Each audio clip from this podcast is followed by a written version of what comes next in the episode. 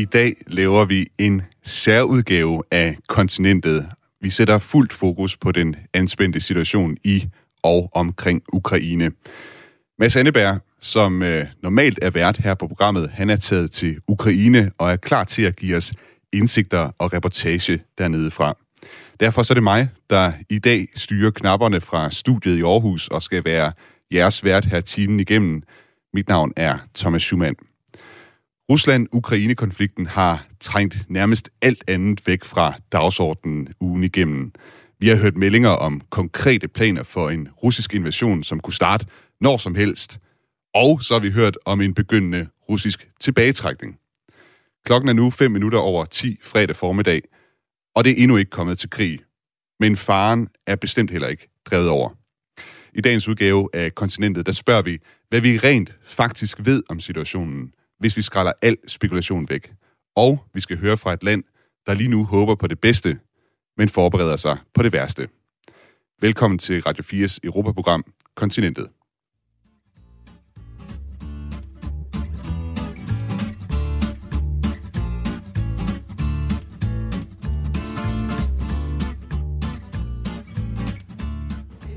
God formiddag, Mads Anneberg. God formiddag. Du er i Ukraines hovedstad Kiev, og øh, du har fundet en café at sidde på med, og jeg kan forstå, der er simpelthen et tilhørende beskyttelsesrum på den her café. Kan du lige prøve at tage os med, hvordan ser det ud dernede? Jo, det kan være, at jeg først lige skal forklare, hvorfor jeg overhovedet er taget herhen. Altså, jeg har simpelthen bare sat mig den mission her fra morgenen af, at jeg vil prøve at tage rundt og kigge på nogle af de forskellige beskyttelsesrum, som, som er i byen her. Øhm, der er blevet lavet sådan en meget fin øh, oversigt over, hvor man kan tage hen, i fald at der skulle komme et angreb. Øhm, og, og det, er jo, altså, det er jo sådan små øh, kældre i private hjem. Det er øh, jeg var nede i metrostationen, men blev så faktisk smidt ud dernede fra, fordi at øh, man ikke må rapportere fra de her særlige sådan, strategiske steder. Øhm, og nu har jeg så i stedet for fundet en café, som ligesom på en eller anden måde har øh, fået placeret sig i en gammel sovjetisk øh, beskyttelsesbunker. Og det tænker jeg jo, der er sådan et rimelig, øh, rimelig op, oplagt sted at, at befinde sig i, i sådan nogle dage som det her. Og jeg havde faktisk lige tænkt mig, at jeg kunne prøve at spørge bartenderen her, hun hedder Sofia, 19 år gammel, øh, om, om, om det er noget, hun også ligesom har, har tænkt over. Sofia, can I ask you, um, do, do you feel safe here when you're at work? Uh, yes. Um, a little bit nervous because uh, nervous uh, because um, uh, here in our country uh, war was from um, uh, starts um, um, in 2014 uh, and uh, all this time we all feel a little bit nervous but uh, now um, I think nothing it would happen because because we live like that for um, um, for eight uh, years. Okay. Hun siger altså, at hun, øh, hun føler sig en, en lille smule nervøs her for tiden, men det, som hun også minder på, det er, at øh, der har jo på en måde været krig og konflikt i, i Ukraine, i hvert fald den østlige del, i, i otte år siden øh, revolutionen i 2014, så på den måde så er de sådan også lidt vant til nervøsiteten her i, i landet. I was thinking, do you feel maybe a little bit lucky that your workplace is in a literal former Soviet uh, bunker? Um, um, mm, don't understand your question. Um, do you feel that you are a bit luckier than other people because you work in a bunker? ah, uh, um, maybe, but um, we have uh, metro stations that um, uh, would work like a bunker uh, here in Kiev. Uh, so uh, I don't think that uh, is uh, this is um, lucky for me because here in Kiev we have um, many places that would work like a bunker. Thank you. Okay, hun øh, mener altså ikke, hun er sådan meget heldigere end så mange andre, fordi at der er jo også øh, en masse andre steder, som hun også siger, selv siger, så kan man gå ned i metroen, hvis der skulle øh, kunne komme et angreb. Jeg kan afsløre, at jeg vil nok selv øh, vælge at arbejde på den, lige præcis den her café, hvis jeg skulle finde mig et øh, job her i Kiev, øh, fordi bunkeren simpelthen bare er ekstremt, altså det er sådan, jeg, jeg kan ikke engang gå derned, fordi så, så ryger signalet. Det, det siger også noget om, hvor, hvor, øh, hvor, hvor, hvor godt øh, hvad skal man sige, beskyttet den er, og den har sådan nogle store, tykke øh, metaldøre, der nærmest får det til at virke, som om man, øh, man står inde i en ubåd. Øhm, og så har man jo i øvrigt også, hvis man arbejder her, øh, kaffe ad libitum og, øh, og mad, som så godt nok er vegansk, øh, men trods alt bedre end, bedre end ingenting. Det er jo ret fantastisk, øh, Mads Anneberg, at vi kan have dig med og sådan lave live-interviews med ukrainerne dernede. Og hvis øh, lytterne, der sidder derude og har et spørgsmål til, hvad der sker i Ukraine lige nu, eller hvordan ukrainerne reagerer på situationen, så er det altså muligt for jer, øh, som altid, at skrive ind på sms'en 1424, altså I skriver ind til nummeret 1424, start jeres besked med R4 et mellemrum, og så øh, ja, jeres besked, jeres spørgsmål, kommentar øh, eller andet. Skriv også gerne, øh, hvad I hedder og hvorfra i landet I skriver. Og Mads, nu hørte vi altså her øh, fra hende, der arbejder i caféen her, øh, hendes øh, syn på sagen. Men du har jo talt en del, med en del øh, ukrainer de seneste par dage. Hvad, hvad siger de sådan om, om situationen? Jamen det, det, der slår en lige med det samme, når man lander i Ukraine, og, og når man taler med folk, det er, at der er ingen, der er gået i panik. Altså, der er ingen, der, der hamstrer, der er ingen ting, der ser anderledes ud på overfladen, end, end det altid vil gøre. Måske er der lidt mere stille her i Kiev end, end normalt, men, men, men det er meget fredeligt og, og roligt. Og det, som man så kan, hvad skal man sige, komme frem til, når man så rent faktisk taler med folk, det er, de fleste af dem er bekymrede i en eller anden grad. Altså, om, om det så er sådan øh, noget, de tænker på øh, mange gange i løbet af dagen, eller om det bare er noget, som de lige en gang imellem bliver mindet om, så er det noget, der ligger i baghovedet hos, øh, hos de fleste, naturligt nok. Øhm, og jeg synes faktisk, altså, jeg, jeg fandt en, øh, en, en ung øh, ukrainer forleden, øh, som, som jeg talte med, som egentlig indrammede det hele øh, meget godt. Hun hedder Katja, hun er kun, øh, hun er kun 15 år, og, og det viser altså, at det er ikke kun de, de voksne, som ligesom øh, går og bekymrer sig om det her. There were rumors going around that Russians are about to invade Ukraine in today's night, like at 1 o'clock in the morning. So I was pretty nervous and I didn't go to bed.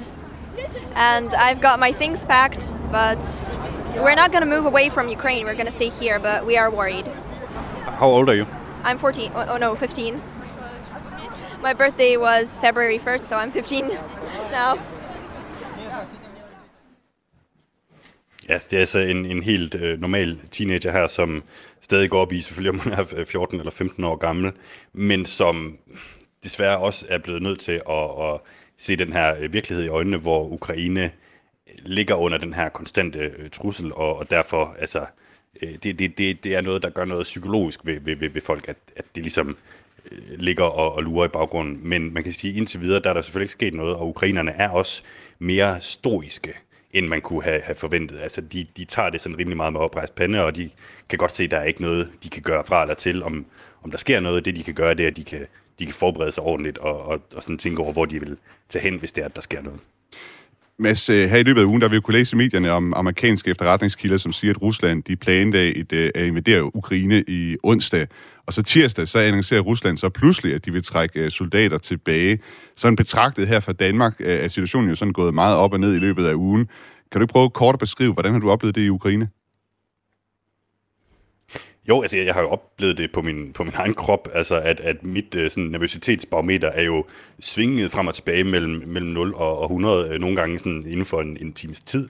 Altså nogle gange så, så taler jeg med, med, med nogen, jeg talte for eksempel med Udenrigsministeriets borgerservice, som, øh, som, som var meget sådan, du skal, du skal lade være med at tage til Kiev, du skal komme ud af landet med det samme, ikke? og så bliver man sådan lidt, okay, så, så, bliver man, så bliver man rystet, og så kan det være, at en halv time senere, så taler man med en eller anden ukrainer, som siger, jeg tror altså ikke, der kommer noget angreb. Tag det roligt. Jeg, jeg, jeg går på arbejde i morgen, ligesom jeg plejer. Og så bliver man sådan lidt, nå ja, okay, jamen, altså, det, det, det hele fortsætter jo. Og, og, og på den måde, så er det jo fuldstændig umuligt at ligesom orientere sig. Og, og især hvis man følger for meget med i nyhederne, vil jeg nærmest sige. Ikke? Og, og det vil jeg så trods alt give ukrainerne, det er faktisk ret gode til at lade være med. Så de har, sådan, de har selvfølgelig begreb om, hvad der, der foregår, men det er ikke sådan, at de sidder og tjekker mobil hvert øh, minut, som en anden øh, aktiehandler, og så ligesom, øh, øh, ryger op og ned med, med den rutsjebane, som jeg selv har været på, sådan rent øh, følelsesmæssigt.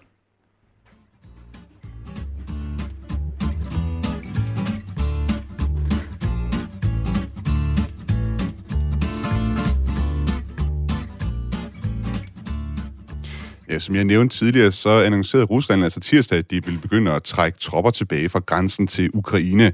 Forsvarsalliancen NATO siger så, det er stik modsatte, altså at russerne samler endnu flere soldater på grænsen til Ukraine. Charlotte Flint Pedersen, velkommen til Kontinentet. Tak. Du er direktør for det udenrigspolitiske selskab, altså en forening, der arbejder for at fremme kendskabet til, det, til udenrigspolitiske spørgsmål. Og så er du også kendt med i Østeuropa-studier og samfundsfag, og har i mange år arbejdet med fokus på blandt andet Ukraine, og du har selvfølgelig også fulgt med i konflikten her. Der er jo mange meldinger og rygter, øh, og hvis vi nu prøver at skralde alt, hvad skal vi sige, der handler om rygter og, og folk, øh, der skriver noget på Twitter, om de ser det ene eller det andet, ikke? og bare holder os til fakta. Hvad ved vi så om situationen lige nu? Jamen, vi ved, at der stadigvæk er det minimum det samme antal tropper rundt omkring øh, Ukraine, øh, og det vil sige øh, i omegnen af 130.000. Øh, og der, er, der har været øh, 60 brud på våbenhvilen bare inden for de sidste 24 timer fra russisk side, og det er jo i sig selv ret meget. Og så øh, at der på trods af den hektiske diplomatiske aktivitet, jamen så er man ikke kommet særlig meget videre med, med at opnå enighed. Så det er grundlæggende ja. det, der vi står i dag. Charlotte, hvor, hvor ved vi de her ting fra? Jamen, det ved vi fra øh, satellitbilleder, og det er jo primært efterretninger, vi har fra, fra NATO. Øh, så det vil sige, at øh, den russiske side siger rent faktisk noget andet, at de er ved at deeskalere, at de flytter tropperne, og de har også sendt nogle videoer ud, hvor de viser, at nu flytter tropperne sig. Men det hjælper jo ikke hvis noget, hvis der kommer tropper tilbage igen et andet sted fra, for eksempel. Charlotte Flint, vi har fået en øh, uh, sms uh, øh, fra en lytter, der hedder Helle. Hun skriver fra Nordsjælland. Hun skriver her, Hej kontinentet, ved vi, hvad Putins egentlige intentioner er med den militære trussel mod Ukraine, og hvorfor forlod Rusland øh, Gorbachevs Pelatrojka? Det må jeg indrømme, jeg ved ikke øh, nok om øh, Gorbachev og Pelatrojka til helt at forstå her, men det kan være, du kan forklare os om det. Øhm, altså, øhm, altså, man ved, øh, Øh, jeg skal lige have spørgsmålet en gang til. Øh, øh, altså, Spørgsmålet fra Helle er, ved vi, hvad Putins egentlige intention Nå, er ja. med den militære trussel mod Ukraine? Jamen altså, vi ved, at han faktisk har måske øh, tre øh, intentioner. Den ene er sådan set at udfordre den amerikanske magt, som vi siger, altså den amerikanske verdensorden, kan man kalde det. Den anden, det er at sige, at, at sige at han er også utilfreds med den europæiske sikkerhedsorden, som er nok det, som Helle øh, henviser til, altså hele den her tænkning om, om øh, et, øh, altså at vi har et, øh, et, ligesom en samlet transatlantisk øh, øh, sam, øh, samarbejde fra Ural til USA, øh, og som er formet i den der organisation, der hedder OSCE i virkeligheden. Det her med, at vi har sådan en, en sikkerhedsorden, som i virkeligheden er, er meget omfattende. Mm. Øh, og øh, så, så øh, grunden til, at øh, Putin han har forladt det her, det er jo sådan set, fordi han har et, øh, altså det vi kalder en revanchenistisk øh, tænkning omkring, at øh, Rusland skal have genoprejsning, mm. at øh, Rusland er troet af NATO. Øh, Øh, og det, det mener de virkelig, at de, de føler sig troet af NATO. Og det er ikke kun ved hjælp af våben, men det er også vores øh, menneskerettighedseksport og orange revolutioner. Og, øh, altså, og, altså, det de opfatter som hybrid krigsførsel, når vi prøver at undergrave deres øh, politiske system med sanktioner også. Tirsdag offentliggjorde det russiske forsvarsministerium en øh, video. Jeg synes lige, vi skal prøve at lytte til et øh, klip derfra.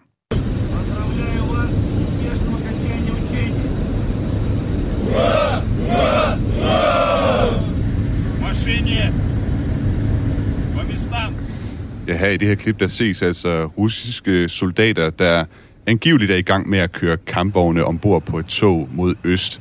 Sammen med videoen her, der kom beskeden om, at Rusland var begyndt at trække tropper tilbage fra grænsen til Ukraine. Men det er der øh, ikke bevis for ifølge NATO, der siger det præcis modsatte, nemlig at Rusland har hentet yderligere 7.000 soldater til området. Charlotte Flint Pedersen, hvad er sandt? Altså trækker Rusland tropper tilbage, eller sender de flere til området? Altså, vi skal altid være kritiske, også over for NATO. Altså, jeg kan huske i øh, krigen i Kosovo i sin tid, øh, der var der meget propaganda i forhold til at retfærdiggøre den krig, øh, netop fra NATO's og USA's side. Så vi skal altid være kritiske, men lige nøjagtigt, når vi ser på, hvordan Rusland har ageret hidtil, så har det været en form for øh, hele tiden at altså i virkeligheden prøve at snyde fjenden med det, der de kalder maskerovka, altså hvor man i virkeligheden prøver at, at desinformere og, og, øh, ja, og gøre os usikre på, hvad der egentlig sker. Øh, så her, der tror jeg rent faktisk på det, også fordi, at øh, altså, jeg, jeg, jeg gætter på, at uh, NATO's efterretning og satellitbilleder er, er ret øh, øh, altså præcise, og plus, at NATO har ingen interesse i at øh, eskalere situationen. Mm. I dag der blev der i øvrigt øh, afholdt en sikkerhedskonference i München, hvor Ukraine står øverst på dagsordenen. Udenrigsminister Jeppe Kofod deltager på vegne af Danmark. Derudover så vil der være flere end 30 statsoverhoveder og regeringschefer til stede, dog ikke Rusland. Og udenrigsminister Jeppe Kofod har indkaldt udenrigspolitisk nævn til et ekstraordinært møde og sagt, at sikkerhedstruslen i Ukraine er skærpet det seneste døgn. Ruslands præsident Vladimir Putin mødes med Belarus' præsident Alexander Lukashenko i Moskva, og Ruslands udenrigsminister Sergej Lavrov holder pressemøde kl. 11 efter sit besøg i Grækenland. Mads Anneberg, øh, som vi har med på en forbindelse i Ukraine, i øh, Kiev. Vi har fået en sms fra en lytter, øh, som jeg tænker, du kan svare på. Han skriver, det er Daniel, der skriver, Halløj, spændende emne. Hvordan er ukrainernes syn på, at USA hele tiden råber dommedag?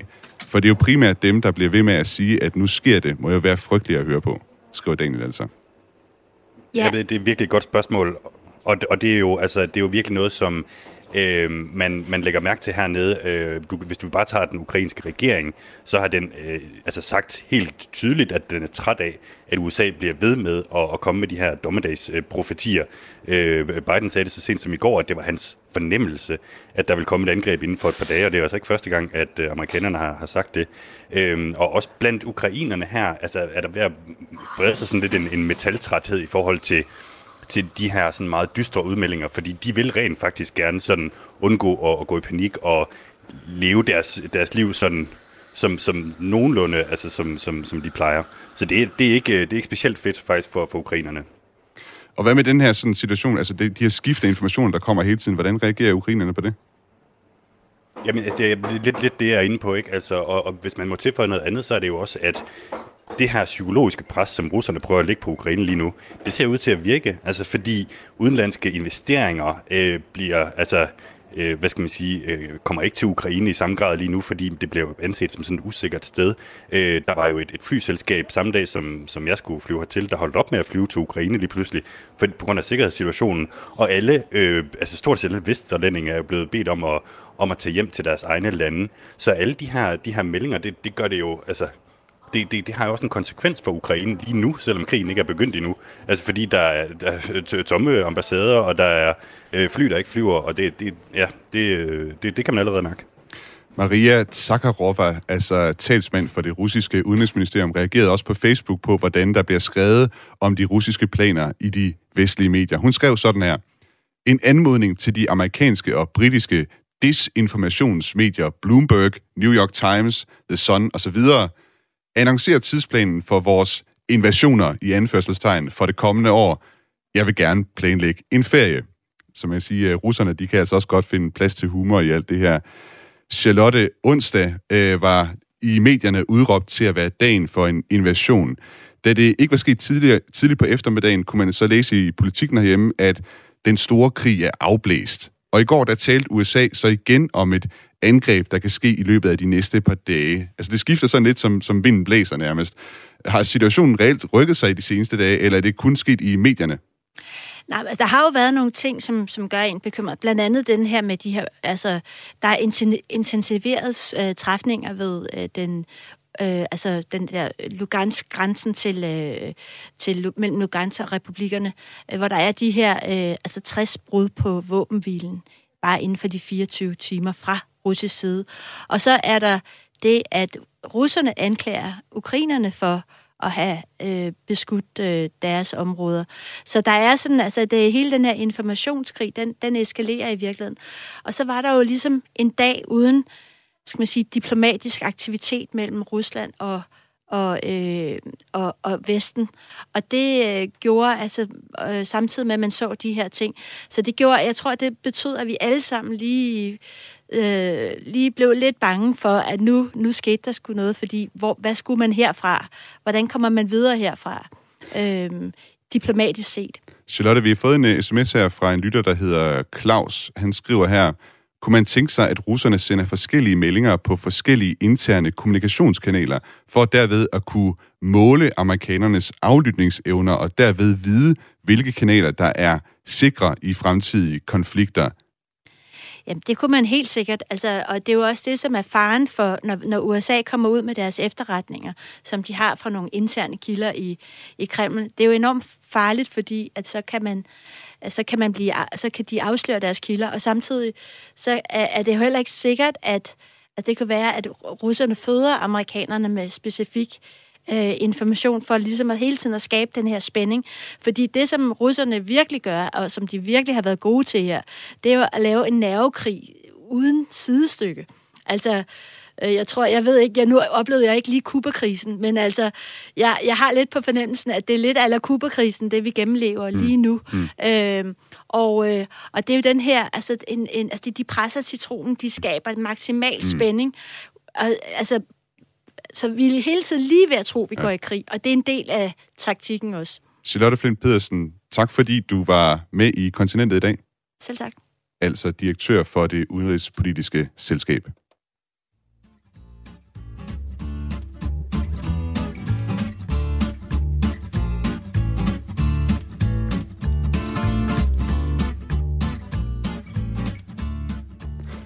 Du lytter til Kontinentet på Radio 4. Mit navn er Thomas Schumann, og med mig direkte fra Ukraines hovedstad uh, Kiev er Europakorrespondent Mads Anneberg. Allerede for en uge siden, der gik Udenrigs, Udenrigsministeriets uh, hjemmeside, eller undskyld, u, allerede for en uge siden gik Udenrigsministeriet herhjemme ud og anbefalede alle danskere at forlade Ukraine med det samme. Der fik jeg den. Simpelthen fordi uh, de mente, det er for farligt at blive i Ukraine. Mads, alligevel så sidder du jo på en øh, café i Kiev. Hvordan øh, takler ukrainerne på den ene side at skulle forholde sig til en mulig krig, og så på den anden side et hverdagsliv, som også skal gå videre? Ja, jeg sidder jo som, øh, som bekendt her på øh, den her veganske bunkercafé inde i det centrale øh, Kiev. Øh, det, det, altså, det var virkelig slående, da jeg kom til Ukraine i søndags, hvor meget fest der var i gaden. Det var ude i det vestlige Ukraine. men man, altså, det var, det var virkelig, det var ligesom Aarhus Festuge på, på, på speed, selvom det bare var en helt normal søndag. Øhm, og jeg, jeg gik på bar, fordi det var ligesom åbenbart det, man øh, gjorde i den by. Og så talte jeg med en ung fyr, der hed, øh, der hed Mikola, og prøvede at spørge ham ind til det her. Jamen altså, hvordan kan det være, at I lever under truslen øh, om krigen øh, på onsdag, men stadig går ud og, og fester om søndagen? If they come, we will fight. We feel confident uh, that although they might have initial successes, we will in the end win. Are you going to fight? Uh, yes. Like it's not much of an option. Essentially, we're all going to go to war. So. And even though there might be war on Wednesday, you can still have fun on on Sunday. Uh, I mean, uh, that's the point. We are defending our right and our possibility and our capability, essentially, uh, to uh, have fun on Sunday. Mads Anneberg... Ja, det er altså Nicola her, som, øh, som, som siger, jeg undskyld, men altså det her med, at på en eller anden måde, øh, jeg synes, det er meget rammende, han var, han var lidt småberuset, men det er jo egentlig meget poetisk, det han siger. Altså, på en eller anden måde, så det som ukrainerne skal, skal forsvare øh, i, i, i deres land her, det er jo netop den der ret til selvbestemmelse og øh, hvad skal man sige, autonomi fra, fra russisk øh, trusler. Og, og det er det, der gør, at jamen, altså, han, han siger, at, at jamen, vi, vi forsvarer retten til at gå ud og, og, og få nogle øl om, om søndagen. Mads, hvordan, hvordan forbereder ukrainerne sig på en eventuel krig? Jamen, de forbereder sig øh, på, på mange forskellige måder. Det er lidt individuelt. Altså, nogen er jo simpelthen ude at træne øh, for at, at, at skulle kæmpe mod russerne, hvis, hvis den der kommer selv øh, civile. Nogen flytter på tværs af landet. Øh, så er der de her information om, hvad, selvfølgelig, hvad for en bunker, der er tættest på dig. Og øh, som jeg var inde på øh, tidligere, så er det ikke kun de, de voksne, der forbereder sig. Øh, vi kan lige prøve at høre her igen fra Katja på, på 15 år. I've watched a few videos on YouTube what to do if the invasion happens, what to do if war happens, war starts.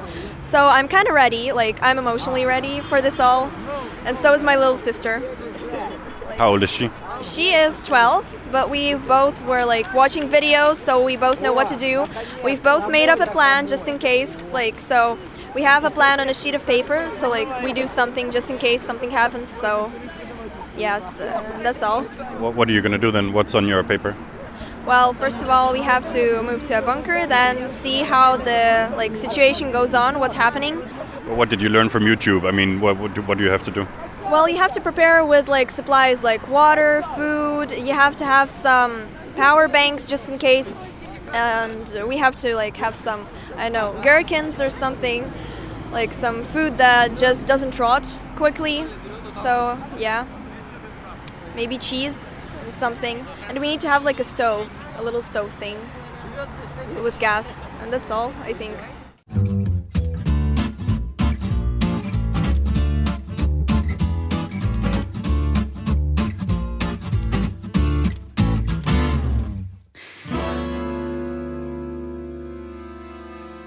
Du lytter til Kontinentet på Radio 4. Mit navn er Thomas Schumann, og jeg er vært i dag på programmet, og med mig direkte fra Kiev i Ukraine er Radio 4's europakorrespondent Mads Anneberg, som normalvis er vært på programmet her.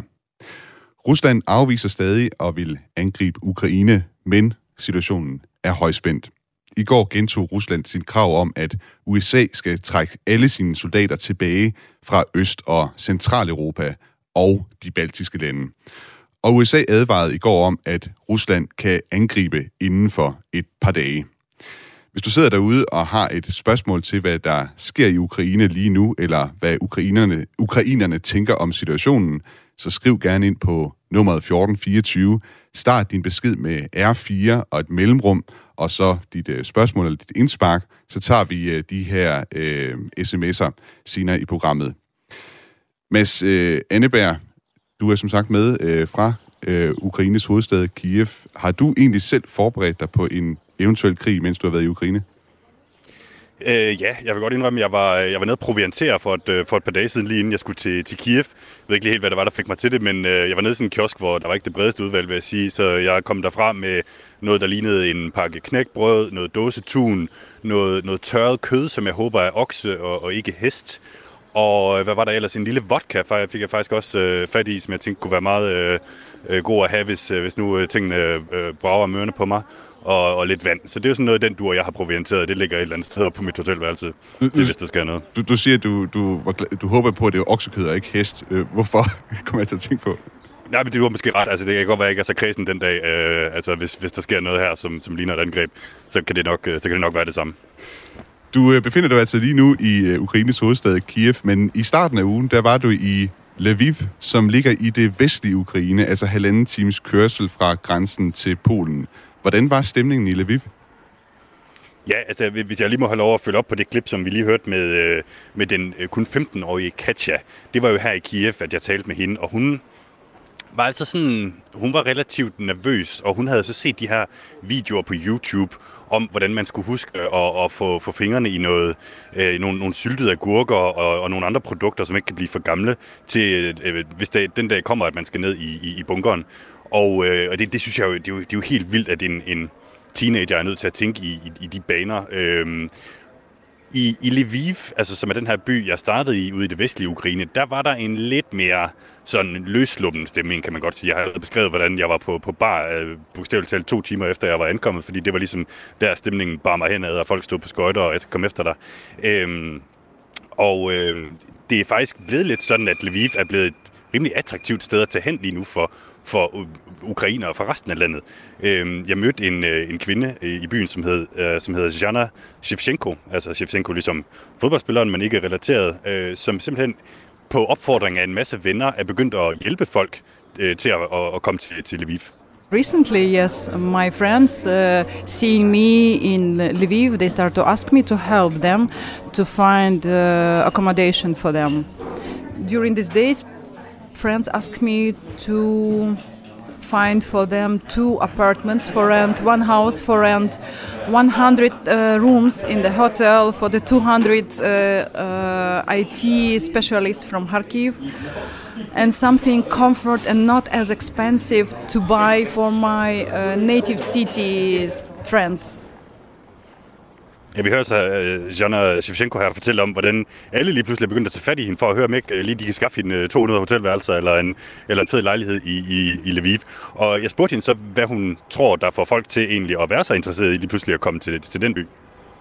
Polish border is so close, means the NATO is so close. The NATO equal uh, um, safety. Plus, many people noticed that American embassy and German embassy they announced they will move to Lviv. For the majority of uh, people, it means here is much more safer. If diplomatics come here, move here, so they just follow them. Ja, øh, nu, nu ved jeg ikke med dig, Thomas Schumann, men jeg er i, i, øh, personligt i den øh, hvad skal man sige, proces, der hedder, at jeg er ved at købe en øh, ejerlejlighed. Og jeg, jeg kan genkende meget af det her ejendomsmæler og sådan øh, snak nærmest i, i det, hun siger. Ikke? Altså man kan sådan forestille sig et eller andet boligopslag, hvor der står, øh, hvad skal man sige, øh, vest, øh, meget vestlig beliggende lejlighed langt fra, langt fra Vladimir Putin og øh, udsigt til NATO fra altanen og, og, en, og en amerikansk ambassade rundt om hjørnet. Ikke? Altså det, det bliver nærmest sådan tre gange øh, beliggenhed ud fra en selvfølgelig en meget øh, øh, tragisk baggrund. Mm. Og øh, jeg kan forstå, at du har også øh, talt med en, øh, en viceborgmester. Ja, fordi vi, vi skulle jo så ligesom høre, om der egentlig var noget om snakken, altså at, at Lviv øh, rent faktisk er, er blevet mere populær. Så øh, vi, vi ringede til byens øh, viceborgmester for at høre, altså om, om det er noget, han har, han har kunnet mærke til. Of course, uh, you have this uh, crisis uh, in the background. Uh, but uh, if you ask me as the representative of the city authority, so I, I see a lot of opportunities here for the city as well. Ja, han kan altså ikke helt, helt lade være med at være en lille smule glad for al den omtale og opmærksomhed, som byen Lviv lige nu får, fordi det anses som værende sådan et, et sikkert sted i øh, Ukraine. Han understreger selvfølgelig også, at det jo er på en meget tragisk baggrund, og han ikke er glad for det, der, det, der sker. Men, men det er lidt spændende, så når, for eksempel når Joe Biden nævner den her øh, sådan forholdsvis lille by ude i det vestlige Ukraine, øh, ud af det blå, og, og folk begynder også at stusse over, nå, man kan vide, hvad, hvad, hvad det er for et sted. Men Sandeberg, vi har også øh, fået nogle øh, sms'er fra lytterne her, som øh, lytter med. Vi har faktisk øh, fået ret mange her under udsendelsen. I kan som altid øh, derude skrive ind til nummer 1424, hvis I har en besked. Start besked med R4 et mellemrum. Her er det Bjarne Kim Pedersen fra Nordfyn, der skriver, har Mads Anneberg ikke været på Majdanpladsen i dag? Der bliver lagt blomster for de dræbte ved, revolutionen of, øh, ved Revolution of Dignity for otte år siden. Det var den 18. og de næste dage. Heavenly 100 blev dræbt, og oprøret er jo årsagen til krigen og Putin-krisen. Tak for en god udsendelse, skriver altså Bjarne Kim Pedersen. Øh, har du været på Majdanpladsen i dag? Jamen, øh, nu ved jeg ikke, om, om jeg kan læse Bjarne Kim Petersens øh, tanker, eller om han kan læse mine. Jeg står faktisk på, på Majdanpladsen lige nu. Jeg har forladt den der sovjetiske øh, bunker, som, øh, som lå lige tæt på, på pladsen, og bevæget mig ned her. Øh, fordi jeg, jeg tænkte, jeg ville fortælle jer den historie, at, at det var jo her, det hele startede i 2014, hvor øh, den ukrainske befolkning ligesom fik øh, Øh, hvad skal man sige, afsat den, den dengang øh, pro-russiske præsident øh, Viktor Yanukovych, og, og det er jo en stor del af grunden til, at vi står her i dag. Så jeg står lige lugt midt på Majdanpladsen. Øhm, jeg kan faktisk ikke se nogen blomster, men det kan jeg lige gå rundt og lede efter, så kan jeg, så kan jeg rapportere lidt om, om det om et par minutter. Vi har også fået en øh, kommentar her fra Bent Bertelsen, der skriver fra Vissenbjerg. Han skriver, godt I har mass i Ukraine og høre, hvad ukrainerne mener. Vi skal blive ved med at handle med Ukraine og forsøge at gøre landet stærkere. Og øh, jeg synes også, at øh, Bens øh, sms her, det ligger meget godt op til vores næste gæst i programmet, som er Lina Lindholdt, Velkommen til kontinentet. Lena, kan du høre mig? Jeg skal høre Lena Lindholdt. Kan du høre mig? Lena Lindholdt, er du øh, med på en forbindelse her? Jeg tror, vi har lidt problemer med at få fat i Lina Lindholdt, som er ukrainer og arbejder på en øh, international skole og gift med en dansker. Øh, hun har også en mand, der hedder Jesper, øh, og de er altså nogle af dem, som for nylig har taget turen til Lviv. Øh, Mads, mens vi lige venter på at få et, øh, en anden forbindelse til Lena her, øh, prøv lige at fortælle mig, hvad, hvad sker der nede på Majdanpladsen lige nu? Øh, jamen, der sker egentlig ikke så meget, faktisk, for at være helt ærlig. Øh, det er jo rigtigt, som, øh, som, øh, som lytteren der var inde på, at det, vi nærmer os det her sådan, øh, årsdagen for, øh, for, for, for det her oprør, som skete i 2014, øh, her i, i, i de her dage, og, og der vil da helt givet kom til at være nogle, nogle markeringer af det. Det var jo den, øh, så vidt jeg husker, den 21. februar, at øh, Viktor Yanukovych forlod landet, og den, den 22. de valgte at sige, at nu er han ikke præsident i Ukraine længere. Så om, om et par dage, der, der tror jeg, vi vil komme til at se en lidt mere øh, travlt Majdanplads, end den vi ser lige nu. Der, der sker for at være helt ærlig, ikke så, ikke så forfærdeligt meget lige nu. Det ser meget normalt ud. Øhm, og så kan jeg jo lige nævne, at jeg var ude at spise med, med Lena her og hendes øh, mand Jesper i, i søndags, da vi var i, øh, i, øh, i, i Lviv. Og, og, og ligesom, ja, øh, jeg synes, de har en, en rimelig fascinerende historie. Jeg håber, vi, vi får, får hul igennem til hende. Jeg, jeg, jeg, kan, jeg kan forstå, at uh, Lena er med nu på en uh, telefonforbindelse. Ja, ja hej Lena. Uh, så fik vi forba- forbindelse til dig i uh, Lviv, som sagt. Du er altså ukrainer og arbejder på en international skole og er gift med en dansker. Uh, du og din mand Jesper, de, I er nogle af dem, som uh, for nylig har taget turen til Lviv. Lena, normalt så bor I jo i Kiev, men i øh, weekenden, der pakkede du og din mand altså jeres ting ned og tog til Lviv. Hvorfor gjorde I det? Ja, normalt bor vi i Kiev, og det er vores 12. eller 13. år. Øhm, så vi, ja, vi har, vi har pakket kufferten, og vi har hoppet ind i bilen efter i fredags, vi fik øh, et besked fra den danske ambassade og Udenrigsministeriet, at øh, den safeste, eller den mest, mest sikret for, øh, for de danskere, det, de skal forlade landet. Men øh, altså, det var forlade landet, det er vores plan C, men plan B var, øh, og det er det, hvad, hvad vi er i gang nu, det er at flytte til øh, Lviv, som er meget tæt på øh, grænsen. Ja, men stadigvæk i Ukraine. Hvad for nogle forsyninger har I taget med jer fra, fra Kiev ud til Lviv? Ja, vi, altså, vi, har, vi, øh, vi har sådan set øh, øh i, øh, øh i øh, kuffertene for, for de sidste 3-4 uger. Så vi, vi har vores kufferter, kufferter med, med sådan 3-4 dages øh, tøj og øh, to øh, dunke benzin og, øh, og vores kanin. så det, det var vi klar. Det var vigtigt at få med os. Føler, føler du dig mere sikker i Lviv end i uh, Kiev? Sikker, yes. Ja, det er sådan, det er helt normalt liv, og folk, øh, folk de går rundt, og øh, der, altså, den tanke om krig, den er for mig, det er meget Øh, den, den er næsten forsvundet, øh, udover at øh, hvis man begynder at læse nyheder og, og kigge på udlandske medier og snakke med vores udlandske venner her. Så, men, øh, men livet her er normalt. Og, det er dejligt. Var det anderledes, end hvordan stemningen var i øh, Kiev? Øhm, øh, for mig ja, øh, fordi øh, altså igen, øh, mine ukrainske og mine udlandske venner, de, øh, de er meget påvirket af den konstant tanke om, øh, at der sker noget. Um, så det, det er dejligt at kunne sove igen, faktisk, her. Selvom du egentlig føler dig mere sikker nu, frygter du så stadig, at der kommer til at ske et angreb på Ukraine? Um, Ja, så muligt, ja. Fordi det er, det, det er mærkeligt stille nu, og der er ingen, øh, ingen, ingen meldinger øh, fra, øh, fra hverken øh, ukrainske regering, udover at øh, calm down, ingen panik. Øh, og der, der er ikke ret meget, der, øh, som der er ikke ret mange udlandske medier, som siger noget sådan noget. Så det, det er mærkelig stil, øh, stillhed øh, lige nu, og det er lidt bekymrende. Altså Anneberg, jeg ved også, du havde et øh, spørgsmål til Lina.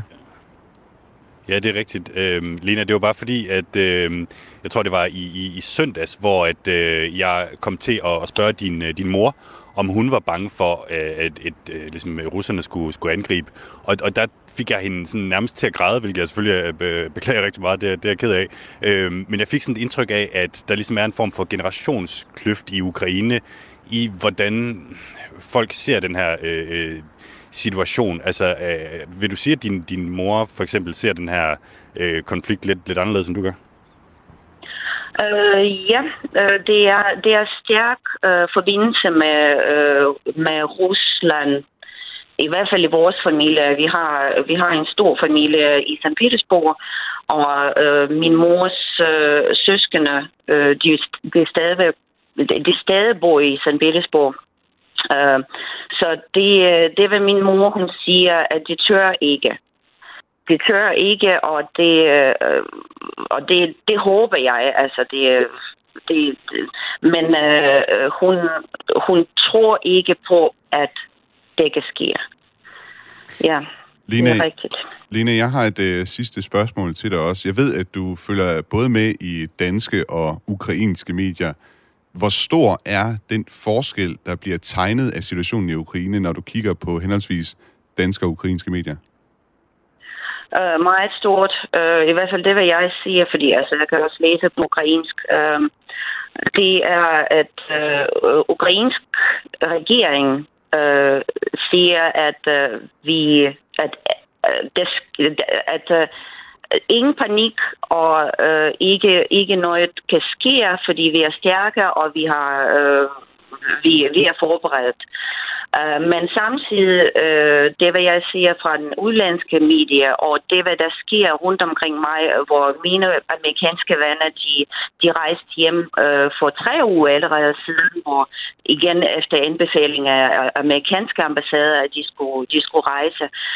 Uh, og uh, så, så det, er, det, det er sådan, det, det er konflikt i, i, i, imellem to forskellige sources, som, uh, som, som jeg kan ikke forstå, hvorfor, hvorfor Ukraine kan ikke øh, dække øh, nyheder og dække, hvad der sker øh, på en anden måde. Altså sådan lidt mere åben og ikke bare sige, at ingen panik. Lena Lindholdt, tak fordi du øh, ville være med og fortælle om situationen i Lviv her i kontinentet i dag. Tak. Hej. Hej. Lena Lindholdt er altså ukrainer og var med på en forbindelse fra Lviv i det vestlige Ukraine.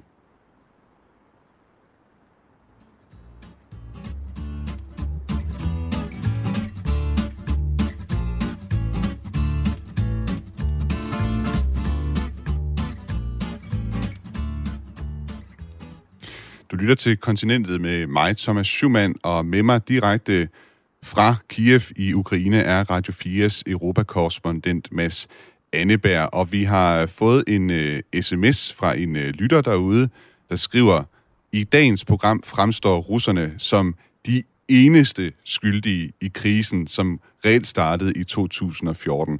Er I nu helt sikre på det? Og uh, ja, altså, vi kunne godt tænke os i det hele taget her på programmet at høre jeres uh, bud på øh, perspektiv på, hvad skal man sige, så, så det også kommer med i øh, vores øh, dækning, dækning. Skriv gerne ind med de konkrete svar på det, så øh, kan vi tage det op her i programmet. Mads øh, Anneberg, øh, hvad, hvad skal du egentlig nu? Øh, jamen, det kan være, at jeg lige må have lov til at sige, at det synes jeg faktisk er en rigtig god pointe, det der. Altså, nu, nu diskuterer vi jo selvfølgelig ikke så meget, hvad der skete i, i 2014 i dagens program, men hvad der sker i, i 2022. Men der er jo en helt legitim øh, diskussion om, om, hvad skal man sige, øh, vi, om Vesten kom på tæt for, for, for tæt på russerne øh, dengang øh, i, i 2014, hvor øh, øh, Ukraine lige pludselig gerne vil være med i EU og, og i NATO og, og det hele. Øh, nu spørger du, hvad, hvad jeg skal. Øh, det er jo et godt spørgsmål. Jeg har faktisk, øh, nu håber ikke, jeg, jeg jinxer det, men jeg tror nok, jeg har fået lov til i morgen at komme ud til en af de her sådan, militære træninger, der foregår med, med civile. Og, og ikke bare ligesom stå og kigge på, men rent faktisk være med, for dels at og, og, så ligesom teste min egen øh, fysiske formåen, som, som jeg nok ikke er alt for optimistisk omkring, og så ligesom også for at teste, hvor, hvor hårdt det egentlig er at, at komme, at øh, blive kampklar øh, som sådan ukrainsk øh, civil øh, øh forsvarsmand, altså som øh, at, at dem, som øh, skal forsvare byen her i Kiev, hvis, øh, hvis der kommer et, øh, et angreb. Så det er ligesom min, det er min plan for, for i morgen. Jeg kan jo også sige, at hvis man er yderligere interesseret i at, sådan at få den historiske baggrund for den konflikt, vi øh, oplever lige nu, så kan man altså lytte til Radio 4's øh, program Kranjebud fra i torsdags. Der, blev dukket, altså der gik de noget mere ind sådan i den historiske baggrund. Øh, Mads, er der noget, som sådan særligt har gjort indtryk på dig på din øh, rejse i Ukraine? Ja, det vil jeg sige. Altså, øhm, generelt det her med at tale med ukrainerne og, og få den her fornemmelse af, hvor, øh, hvor, hvor roligt det tager det, kontra hvor nervøse de måske egentlig er, hvis de sådan rigtig tænker efter. Og der var hende her, nu har vi hørt øh, et par klip fra hende, øh, Katja på, på 15 år. Øh, det synes jeg gik, det gik lige i mavegulvet, det her med, at en, en, en 15-årig, som øh, hvad skal vi sige, bare burde øh, tage sig af øh, lektier og øh, hvad hedder sådan noget, folkeskolekærester, øh, lige pludselig begynder sammen med sin 12-årige lillesøster at, at planlægge, sådan, hvad de gør i forhold til et, til et bombeangreb. Og hun fortalte mig også, at hendes forældre var lidt mere, mindre nervøse, end, end hun selv var, så det vil sige, at hende og hendes lillesøster sidder ligesom selv med den der sådan, opgave med at, med at få planlagt, øh, hvad, hvad, der skal, hvad der skal ske. Så det, det, det, synes jeg er rimelig, øh, det synes jeg er rimelig vildt, for at være helt ærlig. Og, øh, og så var der også, øh, hende har vi faktisk også allerede hørt fra, øh, Shana Shevchenko, som jeg også bare talte lidt med om, om hele situationen. Det var altså hende her, som nærmest var blevet sådan en form for ufrivillig ejendomsmælder i Lviv, fordi der var så mange, der gerne ville flytte derud. Og øh, hun sagde øh, særligt en ting, som, som sådan fik mig til at tænke. Øh, og jeg tror måske bare lige, vi skal prøve at høre øh, øh, klippet med hende her. I start to notice that my thoughts, my movements, all what I do, I feel much more intensive. Uh, that what makes me think how did people think before second world war did they feel uh, danger did they believe it will happen did they had any plans and then the plans was destroyed and i still can't believe that that stories from our grandmoms and grandfathers became more real now. I start to understand them better. How did they experience that that time before war? It makes me feel life as something very precious, more than any time before, more than ever. Ja, så det er altså Jana Shevchenko her, øh, som bor i, i Lviv i det, i det vestlige Ukraine, som på det seneste har lagt mærke til, at hun er begyndt at tænke meget mere over, hvad hun, hvad hun gør, hvad hun, hvad hun tænker på, og hun, hun er begyndt at fundere på, om det ligesom på en måde minder om det, som folk tænkte på før 2. verdenskrig. Det er jo ikke, så meget, det er jo ikke noget, man lærer så meget om i historiebøgerne, altså det her med, hvad folk tænker, før der kommer krig. Altså man hører primært om det her med, hvad, hvad der sker, når, når, når, når krigen kommer. Men det tænkte jeg også, det var sådan en meget, altså, en, en, en meget håndgribelig refleksion, som hun var begyndt at, at, at gøre sig der. Vi havde også øh, tidligere et øh, klip fra en, du havde mødt, der hed Katja, som talte om, hvordan hun havde set øh, videoer på YouTube om, hvordan man overlever en uh, krigssituation. Og vi havde faktisk et uh, klip, du havde optaget med hende mere, uh, som handler om hendes uh, forældresituation på det. Jeg tænkte, vi kunne også lige prøve at høre det. My parents are pretty calm about this. I don't know why. It's just me and my sister who are a little bit of a in a panic. What do you tell your parents then? Well, I don't know. My parents are just pretty calm. Every evening when we are having supper, we always talk about politics with my parents. And my dad is, he's a little nervous. He always asks if my classmates have moved to another country or something. So, yes, my dad is a little nervous, but mom is really calm. But don't, don't you want to like shake her a little bit and say, this is serious? Well, uh, we all know this is serious, but I don't know. She's just she just says that she's preparing for the worst but hoping for the best. That's how we are living right now. I think that's what the country is living right now. Ja, det er så øh, igen Katja, vi hørte her på, på 15, som øh, får sluttet af med en bemærkning om, at det, som hendes forældre ligesom tænker lige nu, det er, at de, de håber på det bedste, men forbereder sig på det værste, og det siger hun, det er nok i virkeligheden sandt for, for alle ukrainer. Jeg synes, det, det, rammer det, det rammer det egentlig meget godt ind, øh, fordi det er det, der sker nu her, og, og det, det spændende bliver jo så, hvor lang tid kommer de til at skulle, skulle fortsætte i den her øh, uvidshed, fordi der er jo ikke noget, der, der tyder på, at øh, konflikten bliver løst lige med det samme. Øh, og, og der er mange, der taler om her i Ukraine, at det kan blive nærmest en form for permanent tilstand af sådan små daglige øh, øh, frygt, som, som, som de kan komme til at leve under, i alt den stund, at der ikke sker noget, men at der stadig er en trussel. Øh, Mads, vi har fået en øh, uh, sms her fra en, der har en, en lytter, der har skrevet ind. Han skriver, Hej, jeg er veteran og har deltaget i nogle af de NATO-øvelser, show uh, of force, som uh, NATO afholder. Sådan som jeg oplevede det, så er NATO en kontant, uh, måske skulle der stå konstant, uh, provokatør af Rusland. Er det ikke fair nok, at uh, Rusland ikke vil have et missilforsvar i deres baghave, tænker, USA øh, ville reagere meget mere voldsomt, hvis øh, Rusland var i gang med en plan med missilforsvar på Cuba. I min optik udøver NATO lige så meget propaganda over for Vesten, som Rusland gør over for deres borgere. Hvad er jeres tanker om det? Og det spørgsmål, det vil jeg egentlig bare overlade til, øh, til lytterne derude og, og tænke om det. Jeg tror ikke, vi er så kvalificeret til at, til at svare på det spørgsmål her. Nej, det, det, det, det tror jeg heller ikke, vi er, Thomas, men jeg vil så til gengæld sige, at når man, når man, når man står her i Ukraine, så er det jo ikke, så er det jo ikke sådan en eller anden stor abstrakt diskussion om Vesten mod øh, Rusland. Her handler det jo ligesom om, om deres eget land, fordi det er jo ikke sådan, at, at der står øh, de her russiske soldater opmarcheret øh, langs en hel masse andre NATO-lande, øh, eller en hel masse NATO-lande. Øh, de, de står jo her på, på hvad skal man sige, nogle, øh, måske 100 km fra grænsen til, til Ukraine. Så, så her, der tror jeg ikke, man altså, tænker så meget over det der med, øh, jamen, har det et eller andet at gøre med en eller anden større sikkerhedsorden. De, de føler en rimelig håndgribelig trussel lige i øjeblikket. Mads Anneberg, mange tak for at øh, gøre os klogere i dag på, hvordan ukrainerne, ukrainerne oplever den usikre situation i landet, og ikke mindst på, hvad de tænker om deres egen fremtid. Tak fordi du var med. Selv tak. Og inden vi runder helt af, så vil jeg sige, at øh, USA's udenrigsminister Anthony Blinken og den russiske udenrigsminister Sergej Lavrov har planer om at mødes i næste uge.